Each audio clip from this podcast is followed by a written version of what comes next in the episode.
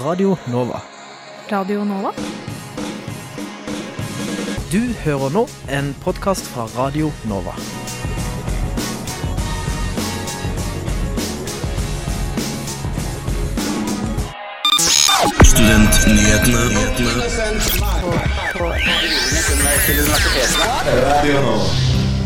Hjertelig velkommen til Studentnyhetene denne fredagen med hele én grad og litt overskyet eh, vær.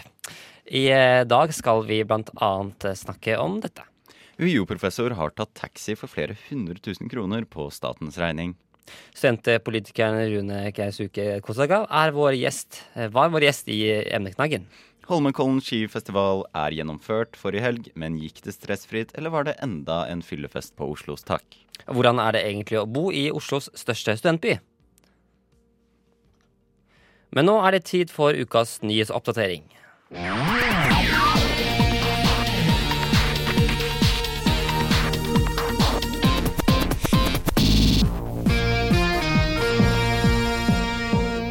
Arbeiderpartiet ønsker å kartlegge studentenes levevilkår.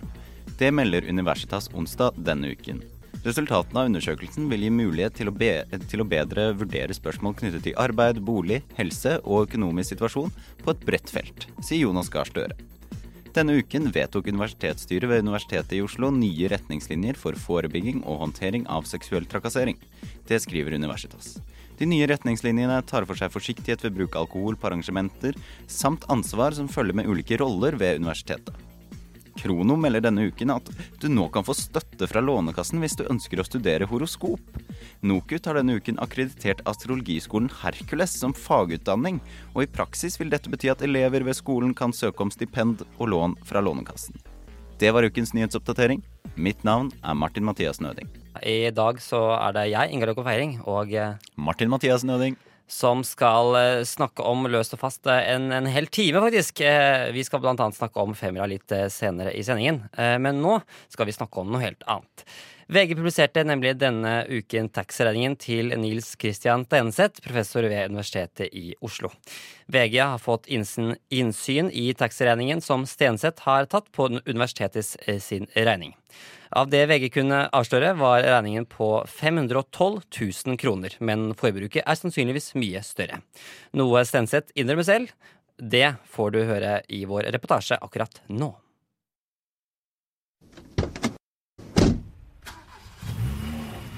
Jeg er nok i det øverste sjiktet i taxibruk, men jeg er også i det øverste sjiktet på andre parametere ved universitetet. Det sier Stenseth til VG da han blir stilt spørsmål om sitt enorme taxiforbruk. Nils Christian Stenseth, som er professor i biologi ved Universitetet i Oslo, innrømmer selv at beregningen på rundt 500 000 kroner er for lite, og at taxiregningen nok er nærmere det dobbelte. Stenseth tar taxi flere ganger daglig, ofte fra sitt hjem på Frogner til universitetet på Blindern, og han hevder at han bruker taxien som et mobilt kontor, og at det absolutt er nødvendig å ta taxi i vitenskapens tjeneste. På spørsmål om han kunne tatt regningen selv, svarer professoren at han uansett ville tatt taxi om universitetet ikke betalte regningen, men det gjorde de. UiO ga ut taxikortet, og Stenseth føler seg nå dolket i ryggen av universitetet. Dette er et enkelttilfelle som ble avdekket hos oss i 2018. Vi har et system for internkontroll der vår regnskapsavdeling da av og til ser ting som de sjekker ut. Det var sånn denne saken ble identifisert. Her har det skjedd en rutinesvikt, og det følger vi opp, sier universitetsdirektøren Arne Benjaminsen til pressen. Direktøren hevder Stensets eh, taxiforbruk ikke er vanlig blant eh, professorene på UiO, og at dette nok er snakk om et enkelttilfelle. Etter Radionovas beregninger utgjør Stenseth sine taxireiser ca. ett tonn CO2-utslipp i året. En gjennomsnittlig nordmann slipper ut ca. 15 tonn CO2 i året. Stenseth har altså et forbruk på ca. ett tonn i taxiforbruken alene. Stenseth sier til VG at han nå kommer til å reise oftere kollektivt fremover. Professoren har ikke lenger taxikort fra UiO, og universitetet skal nå gå gjennom sine rutiner. Vi har dessverre ikke lykkes å få kontakt med Nils Christian Tolseth. Reporter i saken, det var Håkon Christoffersen. På onsdagens emneknagg ble det gjort eh, et studentportrett av Rune Keiske Kosaka. I dette utdraget skal du få høre Keiske fortelle annet om hans mest minneverdige sak i løpet av hans karriere som studentpolitiker, og hvordan han har holdt ut såpass lenge i politikken.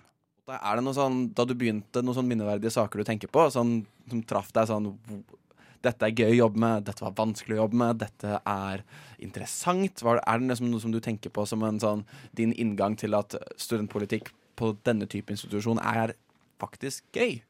Jeg tror det aller første var jo at jeg engasjerte meg veldig i utviklingen av mitt eget studium, eh, bibliotekarstudiet. Det, jeg var klassetillitsvalgt, hadde gleden av å være på veldig mange interessante møter med de fagtils, eh, fagtilsatte på mitt eget institutt. Og så så jeg at det er en del systematiske problemer og utfordringer på universitetet vårt, eller høyskolen vår da. Eh, og jeg mener helt oppriktig at jeg hadde noe positivt å bidra med til å utvikle uh, institusjonen vår videre. Eh, er det en sak som du i hvert fall i løpet av din studentpolitikerliv ser for deg sånn det var en sak som gikk gjennom, og som vi var skikkelig fornøyd med at vi fikk gjennom? Der var det noe hvor velferdstinget og studentpolitikken var bra. Ja, det tror jeg ønsker å peke på da, ville nok vært uh, egentlig de aller første tingene uh, jeg og arbeidsutvalget mitt på Oslo OsloMet gjorde da vi ble valgt, det var sommeren i fjor, forrige fjor. Uh, da Nils Rune Langeland hadde sin første runde i media. og da var det en av de første tingene vi gjorde, at vi hevet OK, hvordan jobber vi på Oslo OsloMet, eller HiOA den gang, med seksuell trakassering? Hvordan sikrer vi at studentene våre ikke blir utsatt for det? Hvordan sikrer vi at studentene vet hvor de skal melde? og dette var en langdryg prosess, men nå i løpet av våren så skal vi få endelig vedtatt et tydelig system hvordan eh, studenter og ansatte skal kunne eh, melde om eh, saker som dette, og hvordan man skal gå frem og sikre at studenter ikke skal oppleve sånne ting. Kan du fortelle litt om noen av de konkrete tiltakene der? Ja, Det mest konkrete er jo at man har et Nå er det en nettsted du kan gå. Du kan si ifra 'Dette er det jeg har opplevd eh, i denne situasjonen eh, med denne personen'. Det er på en måte helt konkret. Mm. Og det er et system der man også får tilbakemelding, så man vet hva som skjer videre. Mm. Hva slags nettsted er det? Det er på internnettsidene til eh, OsloMet, og vi har, burde helt sikkert være flinkere til å profilere det, sånn at man vet sikrer at studentene og ansatte vet hvor de skal gå. For det hjelper jo ikke å ha dette systemet hvis ingen vet at det finnes. Hva er hemmeligheten din? Åssen orker du eh, nå, altså siden 2014, så fem år i strekk som aktiv studentpolitiker og en stemme som folk hører på? Oh, det, er, det, er, et veldig vanskelig spørsmål. Eh, jeg tror veldig mye av det handler jo om menneskene man møter. Og jeg tror det er det at man faktisk ser at det nytter eh, hvis man holder på lenge. Det er ett år rekker man egentlig ikke gjøre noe som helst på fordi systemene jobber såpass tungtrådd. Men over fem år så ser man at det har en reell funksjon, og det er viktig at noen eh, tar ansvar og representerer studentene. Intervjuet i eh, sin helhet er å finne bl.a. på Spotify og på iTunes, og det ble gjort av eh, Magnus Tune og Maria Masaros. Takk igjen til vår gjest Rune Kauske Kosaka. Og, og, nå skal vi snakke litt om Femmila, eller Holmenkollen skifestival, som også heter. Velkommen tilbake, Emilie Norskar fra Holmenkollen skifestival. Tusen takk. Eh, ja, for du, vi har jo fått deg på besøk enda en gang, vi. Eh, ettersom at eh, festivalen gikk av stabelen eh, for, forrige helg. Hva, eh, hvordan syns du at, eh, at, det gikk i år? Jeg syns det gikk kjempebra. Vi er jo egentlig mest opptatt av sporten, vi, da. Og det må jeg jo si var fantastisk. Vi hadde jo utrolig mye bra sportslige prestasjoner. og søndag var jo en nydelig dag med masse sol og kjempestemning. Eh, og så så vi jo at de tiltakene som vi hadde satt i verk i forbindelse med femmila på lørdag, funka veldig bra. Så jeg vil jo egentlig bare si takk til alle de publikummerne som hørte på det, det vi sa, og sto opp tidlig og tok T-banen på riktig måte. Og mange av dem rydda kjempebra opp etter seg, og de aller, aller fleste oppførte seg også veldig bra. Så totalt sett så syns vi det gikk veldig fint. Mm. Mm. Ut ifra en artikkel fra NRK så virker det som det var eh, litt forskjell på mengden av folk i år. Mm. Eh, hva tror du det kommer av? Det var mye færre folk i år mm. enn det det var i fjor. Uh, I fjor så regna vi jo med at det var ca. 80 000 personer ute i skauen der. Og i år et sted mellom 25 000 og 30 000. Eh, det er helt greit for oss, for å si det sånn. Eh, det var kjempefine TV-bilder og fantastisk stemning. Eh, og jeg tror nok det kommer av at det starta såpass tidlig. At eh, rennstarten var klokka ti, og at de første T-banene var jo stappfulle klokka halv sju, liksom. Så det har nok mye med saken å gjøre. Men det var jo fortsatt folk som sov ute i skauen Ja, ja. natten før. Det er jo, men er det litt sånn de beinharde fansene? Ja, de er helt rå, faktisk. Eh, det var ca. 3000 personer, tror jeg, som sov ute i telt og lavvoer, og noen sikkert under åpen himmel òg. Eh, og de har jo med seg alt de trenger, og masse klær og mat, og lager kjempefin stemning der oppe. Og var også veldig eh, flinke til å liksom ikke begynne å rote med reklameplakatene langs løypa der. Det har vi hatt litt trøbbel med og sånn, og rydda veldig bra opp etter seg. Så utfordringa er jo disse russegutta, da.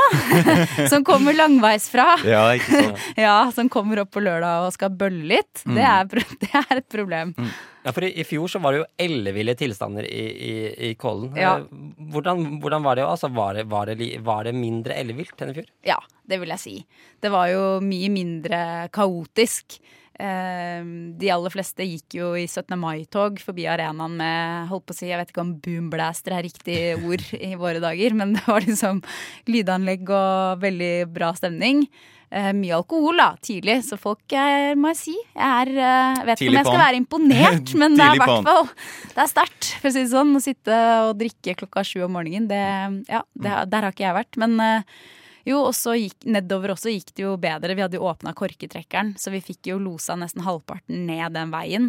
Um, På beina, da, altså? Ja. på beina, ja. Så noen var nok litt skuffa for at de, de tenkte kanskje at det sto en buss og venta. Men uh, for oss sånn helt logistikkmessig så funka det veldig bra. Så, um, men altså, folk drikker jo masse der oppe, og det er uh, dessverre ikke alle som helt uh, klarer å eh, kontrollere sitt eget inntak. Og første jenta som ble henta av pappaen sin, var jo klokka ti på morgenen. Da kom pappa og henta henne. Og da hadde hun eh, fått i seg for mye. Så det er mye yngre. Det var litt nytt i år. Ikke sant? Fordi at eh, noen av dere tiltak, eh, tiltakene, dere satte i gang, var jo på en måte bedre at, at T-banen står på Holmenkollen for å bedre kollektivtilbudet. Ja. Eh, For i fjor så gikk folk eh, i, i sporet, og T-banen stoppet helt opp. Mm. Men det skjedde ikke i år, eller? Nei, det som var så bra med at vi bare brukte Holmenkollen stasjon, var at det er jo en stasjon som er eh, dimensjonert for 14 000 personer i timen. Eh, mens Frognerseteren kan ta ca. 2,5. Eh, så det sier seg jo selv egentlig at det er eh, litt lost eh, case.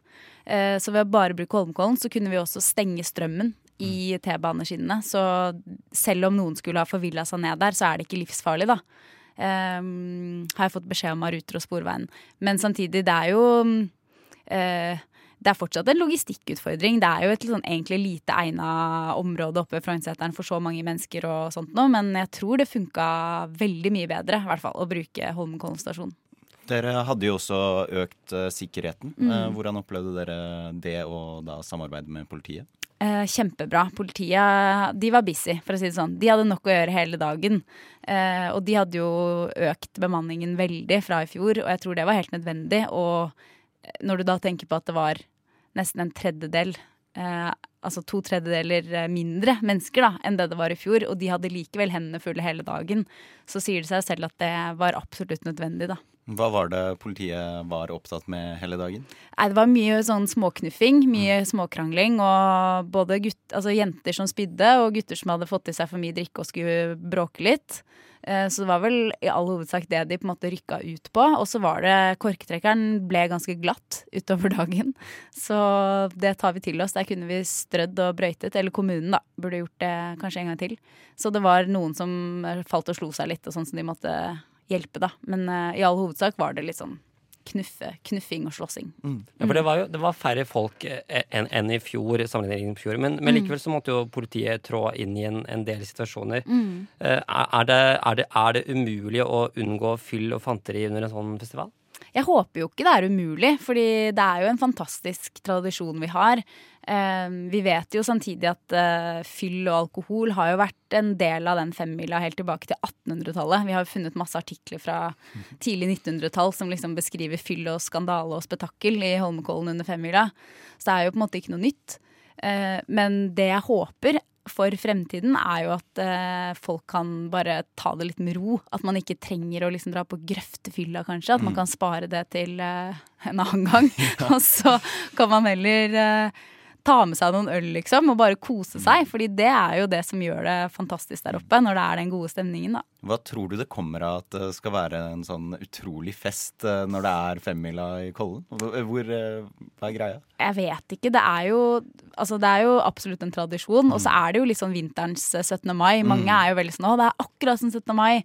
Eh, og vi vet jo alle at eh, det er høy alkoholføring i enkelte kretser også på 17. mai. Men eh, jeg tror også det handler om at det er eh, Det er jo ikke inngangs... Altså det er jo ikke dørvakter. Det er ikke aldersgrense. Eh, og det tiltrekker nok kanskje også de litt yngre, da. Mm. eh, som kanskje ikke har like lang og god erfaring med det å drikke alkohol. Så det er nok en kombinasjon av mange ting. Ja, Er det et problem at det blir markedsført som en skifest? Eh, Du tenker at vi bruker ordet skifest? Ja. Eh, jeg mener jo ikke det. Eh, For oss skal jo skifest være liksom festligheter og glede og idrettsglede og heiarop og flagg og den biten av det. Det er klart, spør du en døddrukken eh, 17-åring oppi skauen der hva han mener med skifest, så er det kanskje noe annet. Men vi håper jo ikke det. Og når vi markedsfører arrangementet, så markedsfører vi jo kun det som skjer inne på arenaen, egentlig. Der hvor vi tross alt tjener litt penger da, på de som Ja, kjøper billetter. Så mm, nei, det er jo blitt en veldig hype de siste årene. Hvor uten mange tvil. var det som kjøpte billetter i år? Eh, I år hadde vi på lørdagen 17 500 inne i arenaen, og så hadde vi 19 002 på søndag. Så det er vi kjempefornøyde med. Mm. Ja, for eh, Vi kommer på ikke unna det at alkohol er kanskje noe av problemet, men har alkohol noe med idrett å gjøre, syns du? Nei, det syns jeg ikke. Eh, jeg syns at idrett skal handle om andre ting enn alkohol, og så kan man drikke senere på dagen eller eh, andre ganger. Eh, men så er det sånn, det er mange av mine kompiser som ser på fotballkamp på pub og drikker øl, liksom. Så det er jo ikke det at det ikke nødvendigvis funker. Eh, men akkurat i denne settingen her så tenker jeg jo at hvis man ikke klarer å kontrollere seg, så hører det ikke hjemme heller på et sånt arrangement. Tusen takk for at du kunne komme, Emilie Nordskar fra Holmenkollen skifestival. Og det nærmer seg fortsatt valg på UiO, og vi i Studentnyhetene fortsetter vårt eh, oppspark eh, til den eh, spennende tiden. Og da har vi fått besøk av Bjørn Wienquist fra gjestelista på UiO. Velkommen til deg. Takk for det. Ja. Hva er deres planer denne gangen for å få studentene til å stemme på dere? Vi kjører jo litt samme strategi som sist, da, men nå har vi jo tre hovedsaker som vi tror kommer til å fenge bra. Mhm. Eh, den første er jo at vi ønsker en vårrengjøring rett og slett, i SIO. Fordi det er mye, mye galt med SIO. Sånn. Andre er jo en klassiker, som Vinmonopol på Blindern. Mm. Og til slutt gratis kollektivtransport da, for studenter i Oslo. Mm. Eh, men den første saken, da, min hjertesak også, er jo dette med vårrengjøringa i SIO. Eh, fordi Det viktigste er jo dette, å kanskje rydde opp i SIO-styret, for der er det mye, mye dumt som skjer. Det har rett og slett blitt tatt over av en elite da, som er totalt avskåret fra studentenes hverdag. Mm. Det kan man jo se i hvordan de ikke følger velferdstingets vedtak, f.eks. Hvordan de eh, snudde altså, Velferdstinget gikk inn for å stanse privatiseringen av bolig, boligmassen deres, men eh, de valgte å svare med å totalprivatisere, da, altså gå helt motsatt retning. Eh, og det er jo da, da mener jeg at de har glemt hvem de representerer, da, fordi de er der for å representere studentene. Mm. Og det virker mer som de representerer da SIO-administrasjonen, da, rett og slett, og deres interesser. Og det, det vil jo ikke vi ha noe av. Vi ønsker å slå ned på det og fjerne den eh, sittende SIO-eliten og putte inn noe mer eh, studentvennlig, da. Du nevner dette ordet eh, elite. Hva mener du egentlig med det? Da mener vi de som rett og slett eh, sitter i sin egen boble i SIO-styret og ikke, ikke styrer etter hva studentene ønsker. da. Mm. Ikke, ikke etter hva velferdstinget ber, ber dem om å gjøre. Og ja, si, ja. Hva tenker du om det mistillitsforslaget som ble stilt av Venstrealliansen eh, her eh, for to uker siden, var det vel? ja det, har, det har min eh, og for så vidt også gjestelistas fulle støtte. Mm. Det skulle bare mangle, og det skulle ha vært der for lenge siden. Ja, for det, Du snakker også om den vårrengjøringa. Altså, bare for å forklare litt. Hvordan, hvordan hadde dere tenkt å gjøre det? Eh, dere snakket om å bytte ut eh, styret, eller hvordan Ja, blant annet. Altså, mistillit er jo en god start. Eh, men vi ønsker jo også å eh, pushe på da, for å få en, et innsyn i budsjettene til SIO. Fordi per i dag så er det unnlatt offentlighetsloven. Eh, noe som er helt tåpelig, fordi pengene deres kommer jo fra oss, fra studentene. Og da skulle det bare mangle at vi ser hva pengene våre går til. Eh, Men eh, det, det, har jo, det har jo også f.eks. millionlønningene til, eh, til direktøren. Hun tjener 2,1 millioner kroner. Det er nesten, nesten en halv million kroner mer enn Erna Solberg gjør. Og du har fem direktører som tjener over millionen. Så Jeg tenker at, Ja. at du står og reduserer disse lønningene til eh, direktørene, eller? Ja, det er jo en av sakene våre inni denne storrengjøringa. At vi skal eh, rett og slett eh, kutte lønningene, og så skal vi bruke det på ting som gagner studentene. Som billigere kaffe og billigere kantine. og Muligheten til å bli mett da, på et studentbudsjett. Og så over til uh, Vinmonopol. Det var jo også uh, kan si liksom hovedsaken deres når dere kom på banen. eh, det var vel to år siden, husker jeg rett? Eller ett år siden? Ja, nå er jeg ganske ny i så- Ja. men, men det Litt har vært hovedsak lenge. Men uh, det har jo ikke blitt noe vinmonopol ennå. Uh, hvordan skal det komme på plass? Nei, nå er det jo sånn at uh, i forrige valg så fikk gjestelista litt under 7 Mm. Så hvis, eh, hvis vi får eh, godt over 50 da, så kommer det til å bli i hvert fall høyere prioritert enn Mm. dagens eh, studentparlament. Men hvis dere da får den prosenten dere ønsker, eh, hvordan skal det gjennomføres i praksis å få på plass et vinmonopol? Da må det jo gjennom resolusjoner i, Ja. i studentparlamentet og inn i samtaler med da blir vel konsernledelsen i, i Vinmonopolet. Sende inn søknad om å, Mm. om å få det opp til Blindern. Si at det er et behov, og at det er et kundegrunnlag. Og Ja, Hvorfor er det så viktig for dere å ha akkurat Vinmonopolet på UiO? Det er fordi det er mange studenter som, som kanskje er på Blindern til eh, klokka seks. Ofte sitter på lesesalen, og så skal de hjem og kjøpe seg en flaske vin da, kanskje på fredagen, og så får de ikke gjort det fordi, fordi Vinmonopolet stenger klokka seks. Så da er det jo fint å ha, ha det i nærheten. da. Mm. Eh, hvordan skal dere greie å nå studentene nå som eh, valget nærmer seg? Nei, vi skal jo gjøre sånn som man alltid gjør i en valgkamp. Da. Vi skal stå på, stå på stand, vi skal snakke med studenter, vi skal høre hva de ønsker. Og så det kan jo at programmet vårt utvikler seg videre ut ifra deres ønsker. Men, øh, men også så kommer vi til å bruke Facebook aktivt. Da. Så absolutt en god idé å gå inn og følge oss på gjestelista UiO på Facebook. Mm. Det er jo uh, ikke så mange studenter som uh, faktisk vet at det er et uh, valg på UiO som de kan delta i og si sin stemme. Eh, hva tenker du om det? Ja, det er jo faktisk en av hovedstrategiene våre, er å nå ut til disse, disse personene som ikke vet at de ste- kan stemme, og de som kanskje ikke stemmer fordi de ikke har troa på studentparlamentet. Og det, det er vår hovedstrategi. Vi, det er nok mange som allerede har bestemt seg for hva de skal stemme, ut ifra liksom, politiske tilhørigheter osv., men eh, det er tross alt eh, 84% cirka som ikke stemte, hvis det var eller 74 Det er nok riktig, ja. ja. Så hvis vi klarer å på en måte få et godt innhugg der, da, så er det en stor sannsynlighet for at gjestelista kommer til å gjøre et brakvalg eh, til vårens valg. Et brakvalg der. Eh, Tusen takk for at du kunne komme i studio, Bjørn Winkvist fra Gjestelista på UiO. Takk. For hvordan er det egentlig å bo på Kringsjå studentby? Vi har tatt turen for å teste Oslos største studentbolig like ved Sognsvann og Marka. Nå står jeg i Kringsjå studentby, på en måte litt sånn i midten, føler jeg. Kringsjå studentby er Oslos største. Um, ligger rett ved Sognsvann, um, gjør denne studentbyen. Og det er også sånn tre kilometer bare til eh, Blindern. Nå har jeg gått inn på kafeen som er her på Kringsjå, og jeg har funnet en eh, liten gjeng. Hva heter du? Mats Håvik. Hvor lenge har du bodd her på Kringsjå?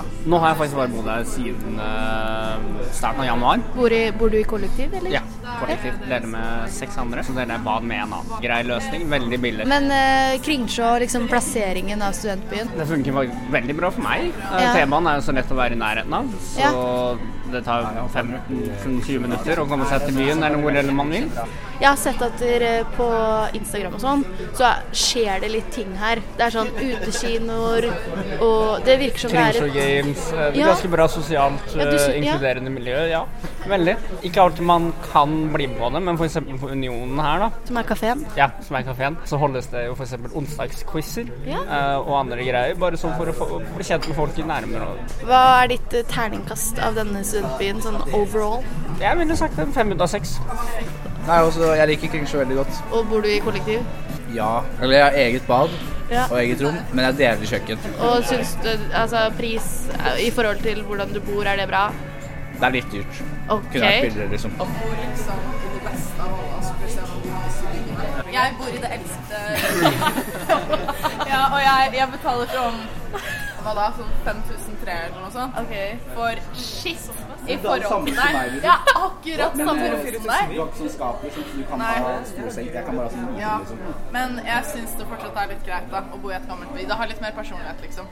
Siden de nyeste er rene Ikea-rom. Og du vil fortsatt bo på Kringsjø? Vel, jeg liker miljøet her pga. at det er så å si bare uh, utvekslingsstudenter når jeg bor i kollektiv med sånn 700 stykker. Og så skifter det folk hvert semester. Jeg syns det er veldig gøy. Blir jeg liksom kjent med flere fall. Jeg liker at vi har har på en måte den uti heita-følelsen i Oslo. Sognsvann. Ja, Sognsvann er jo rett her. Ja. Jeg kommer fra Stokke, så det er veldig ute på landet. Så jeg kunne liksom aldri bodd i byen. Men vil dere, vil dere gi noe terningkast? Fire og en halv ut av seks, da. Fordi Nei, for Kringsjå kommer jo ikke uten sine feil. Eh, Brannalarmen som går i hytt og pine. Det har, jeg har jo ikke opplevd så mye av denne brannalarmen. Nei, egentlig ikke jeg heller, men eh, man hører støtt og stadig om det. liksom. Lydisolasjon. Dårlig lydisolasjon. Det er liksom Lydisolasjon i noen bygg er jo helt grusomt. Det var altså Nora Torgersen som hadde tatt eh, turen til Kringsjå og pratet med studenter om bl.a. brannalarm og lydisolasjon på kafeen Union, som eh, alle studentene bor altså på Kringsjå studentby. Vi har nå fått besøk av nestleder, eller nåværende nestleder i NSO, Marte Øyen. Og eh, hun har jo nå meldt sitt karakteratur til lederstillingen i NSO, som velges på landsmøtet i april. Eh, Velkommen til deg, Marte. Takk, takk. Eh, ja, hvorfor har du egentlig valgt å stille som leder denne gangen? Eh, altså her håper jeg jo egentlig alle lederkandidatene sier det samme, rett og slett fordi jeg har et brennende ønske for å jobbe for studentene i Norge. Eh, det siste året så har jeg jo sittet som nestleder eh, i NSO. Eh, Jeg har også nesten fem år bak meg i studentpolitikken og ytterligere flere år fra partipolitikken. Så jeg har fått en veldig god kjennskap i både sektoren vi skal påvirke, det politiske landskapet, og ikke minst hvordan vi kan føre organisasjonen godt videre fremover. Mm. Uh, ja, du, eh, tror du at det at du har sittet nå som nestleder i eh, et år, eh, kan ha noen fordeler med seg? Det er nok absolutt en fordel å ta med seg videre inn i ledervervet. Det er eh, en helt annen innsikt du får i hvordan organisasjonen drives, og eh, hvordan man eh, kan påvirke og dra nytte av det politiske handlingsrommet man har. Eh, men så viser det seg også at eh, det har ikke alltid vært en fordel å, å stille eh, når du fra, kommer fra AU, da. Ikke sant. Ja, for Du har jo eh, sagt at du meldte deg sent på lederkampen fordi du ikke vil drive noe valgkamp. Eh, hvordan, eller, hva, hva mener du med det, egentlig? Nei, det handler ikke om at jeg ikke ønsker å drive valgkamp. Eh, men det handler om at jeg er nå valgt til å være nestleder for organisasjon. Eh, og det er den jobben jeg skal gjøre. Eh, og det å drive valgkamp, det, det tar mye tid. Og, og det vil potensielt kunne ta tid fra den jobben jeg nå har valgt til å gjøre. Og det, det syns jeg ikke organisasjonen fortjener. Så derfor så ventet jeg til eh, siste dagen med å lansere kandidaturet mitt, slik at jeg kan ha fokus på den jobben jeg faktisk er valgt til å gjøre nå. Mm. Hvilke saker er det du vil jobbe for, eh, om du blir valgt? Eh, Jeg tror vi har eh, en lang vei å gå når det gjelder det å gi eh, alle i organisasjonen en reell medvirkningsmulighet. Og der er det jo satt ned nå en arbeidsgruppe som jeg har fått anledning til å lede, som skal se på hvor skoen trykker, hvilke utfordringer vi står overfor, og hvilket mulighetsrom vi har for å faktisk gjøre organisasjonen eh, styre retningen slik at vi, vi får mer styring og reell medvirkning fra alle ledd i organisasjonen. Eh, og også medlemmene våre, selvfølgelig.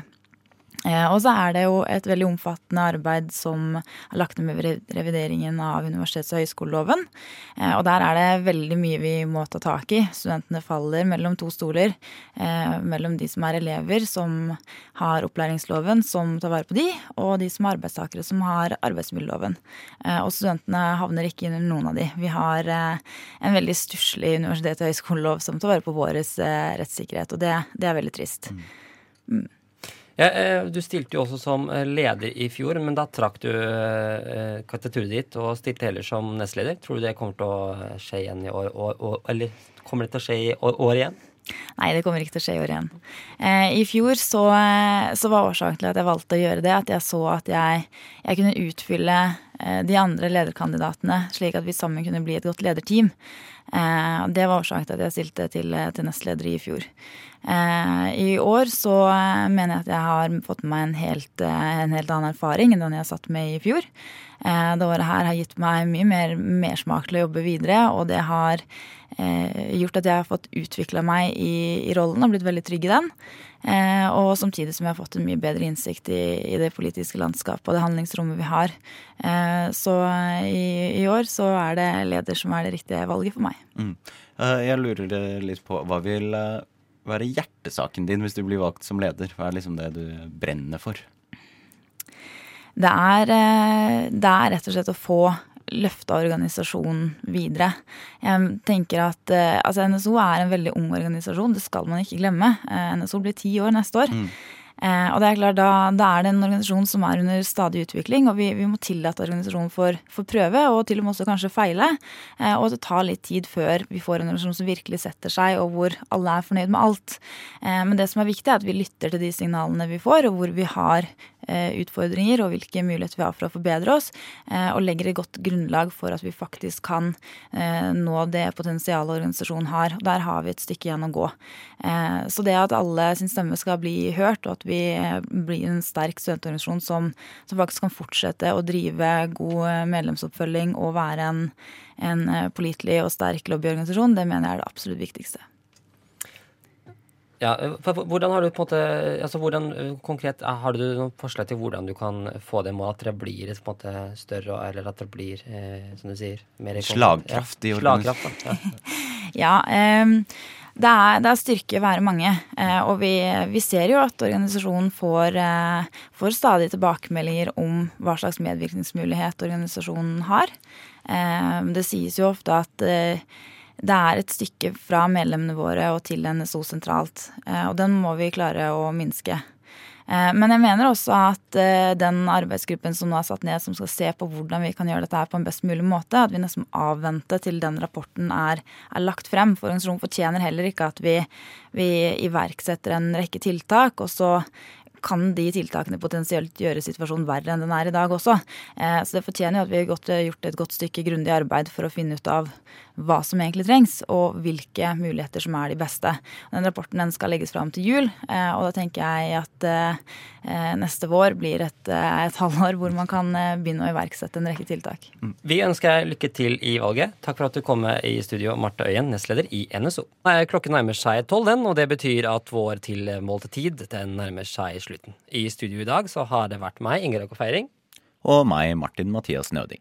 Eh, du får straks eh, satire fra radiotjenesten her på Radionova. Men, men vi må ikke glemme vår eminente tekniker Celine Stensrud. Det må vi heller ikke. Eh, men vi ønsker i hvert fall dere en riktig god helg, alle sammen. Og nå får du vår skikkelig gode gladlåt 612 med 612 for alltid.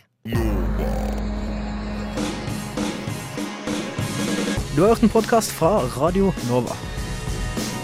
Likte du det du hørte? Du finner flere podkaster i iTunes og på våre hjemmesider radionova.no.